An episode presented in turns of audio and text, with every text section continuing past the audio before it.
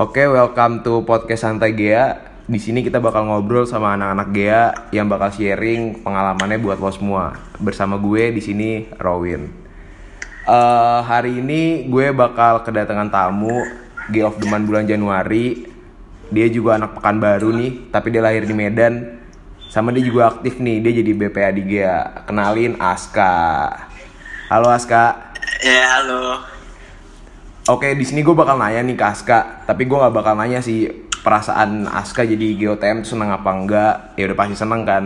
Tapi gue pengen nanya ke Aska nih, value-nya jadi GOTM, G of the Month, sama menurut lo tuh ada beban tersendiri gak sih jadi G of the Month?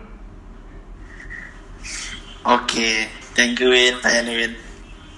Iya sih sebenarnya gue juga ya alhamdulillah dinobatin nih sama lu juga jadi jauh deman. Cuman di sini yang gue pingin ambil tuh sebenarnya nilainya nilainya itu sendiri sih. Nilainya menjadi seorang yang mungkin bisa menginspirasi teman-teman yang lain di sini. Jadi ya benar-benar nih ada rasa bangga tersendiri campur aduk lah pokoknya sebenarnya apa yang pingin gue lakuin itu ya pingin berguna aja sih bagi orang-orang banyak gitu apalagi buat teman-teman gue jadi ya eh, nggak ada kata terlambat gitu buat memulai Anjir, mantap. Tapi kalau lo sendiri kak, di Gea tuh lo paling suka ngapain sih?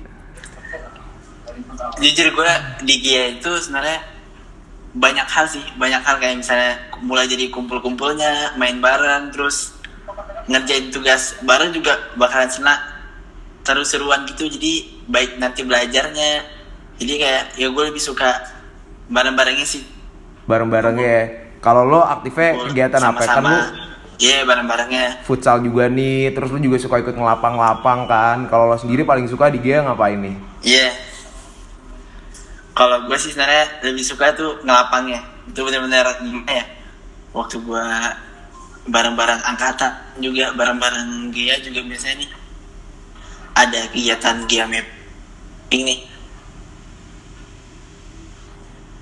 Banyak banget ya. gue seneng banget tuh kayak ngelapangan apalagi kita bareng-bareng kantor kita bisa nemu hal-hal baru Anjing. banyak banget Banyak kejadian konyol juga tuh pasti ya. parah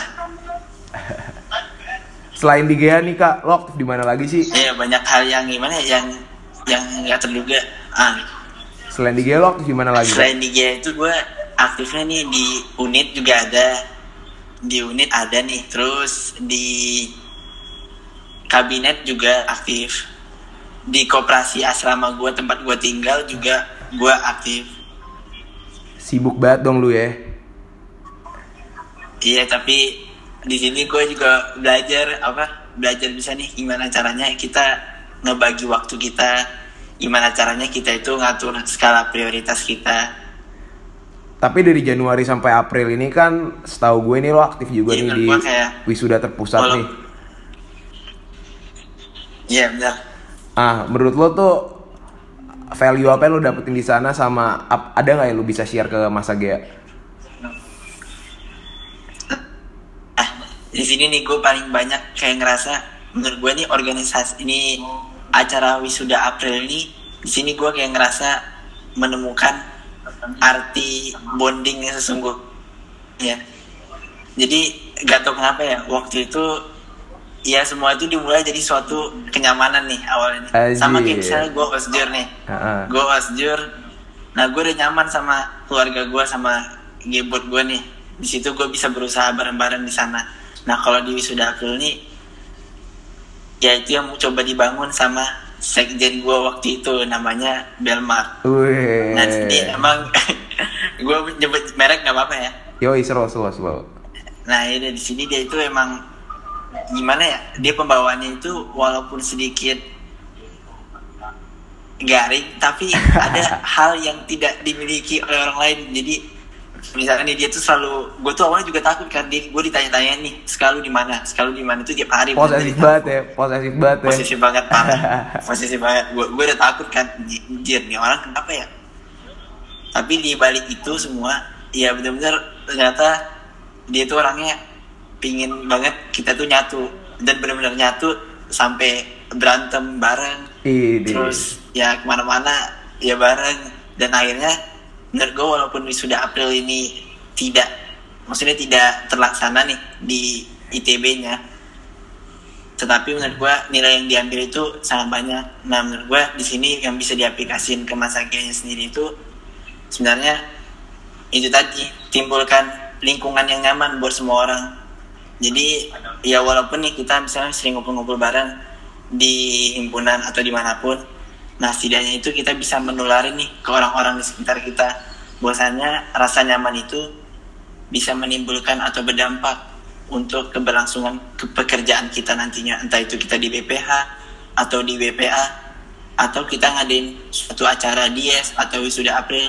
Nah karena semua itu dimulai dari niat kalau kita bagus terus kita itu udah suka nih sama lingkungan kita ya insya Allah semuanya itu berjalan dengan lancar pokoknya kalau lu udah nyaman sama lingkungan lu sama teman kerja lu insya Allah Yeah. semua kerjaan lu bakal bikin dengan baik lah ya iya benar banget udah sejalan lah itu insya Allah Yo, iya.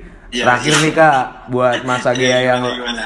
buat Masa Gea yang lagi di rumah aja nih, lo ada pesan-pesan Iya. nggak buat Masa Gea yang lagi di rumah aja? Iya, oke. Ya sejujurnya ini kan masa-masa yang berat ya. Masa-masa yang berat di mana kadang kita itu terpincut atau terpaku dengan gravitasi tempat tidur kita sendiri. Anjir, Sulit, sulit alias untuk rebahan tuh ya. Iya, rebahan sulit untuk bangkit. Ngapa-ngapain mager. Nah, di sini itu ya kita coba untuk produktif nih di setiap saat. Setiap langkah dan setiap hari itu harus ada nih setidaknya hal baru yang kita pelajarin.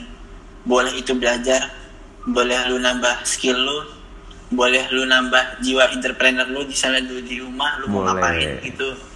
Nah, di situ setidaknya hari ini itu lu ada menghasilkan sesuatu atau lu mendapatkan sesuatu. Jangan biarkan hari-hari yang lu jalani walaupun lu di rumah lu nggak menghasilkan apa-apa gitu. Jadi kalau bisa itu dibuang jauh-jauh lah pokoknya jiwa-jiwa yang tidak produktif.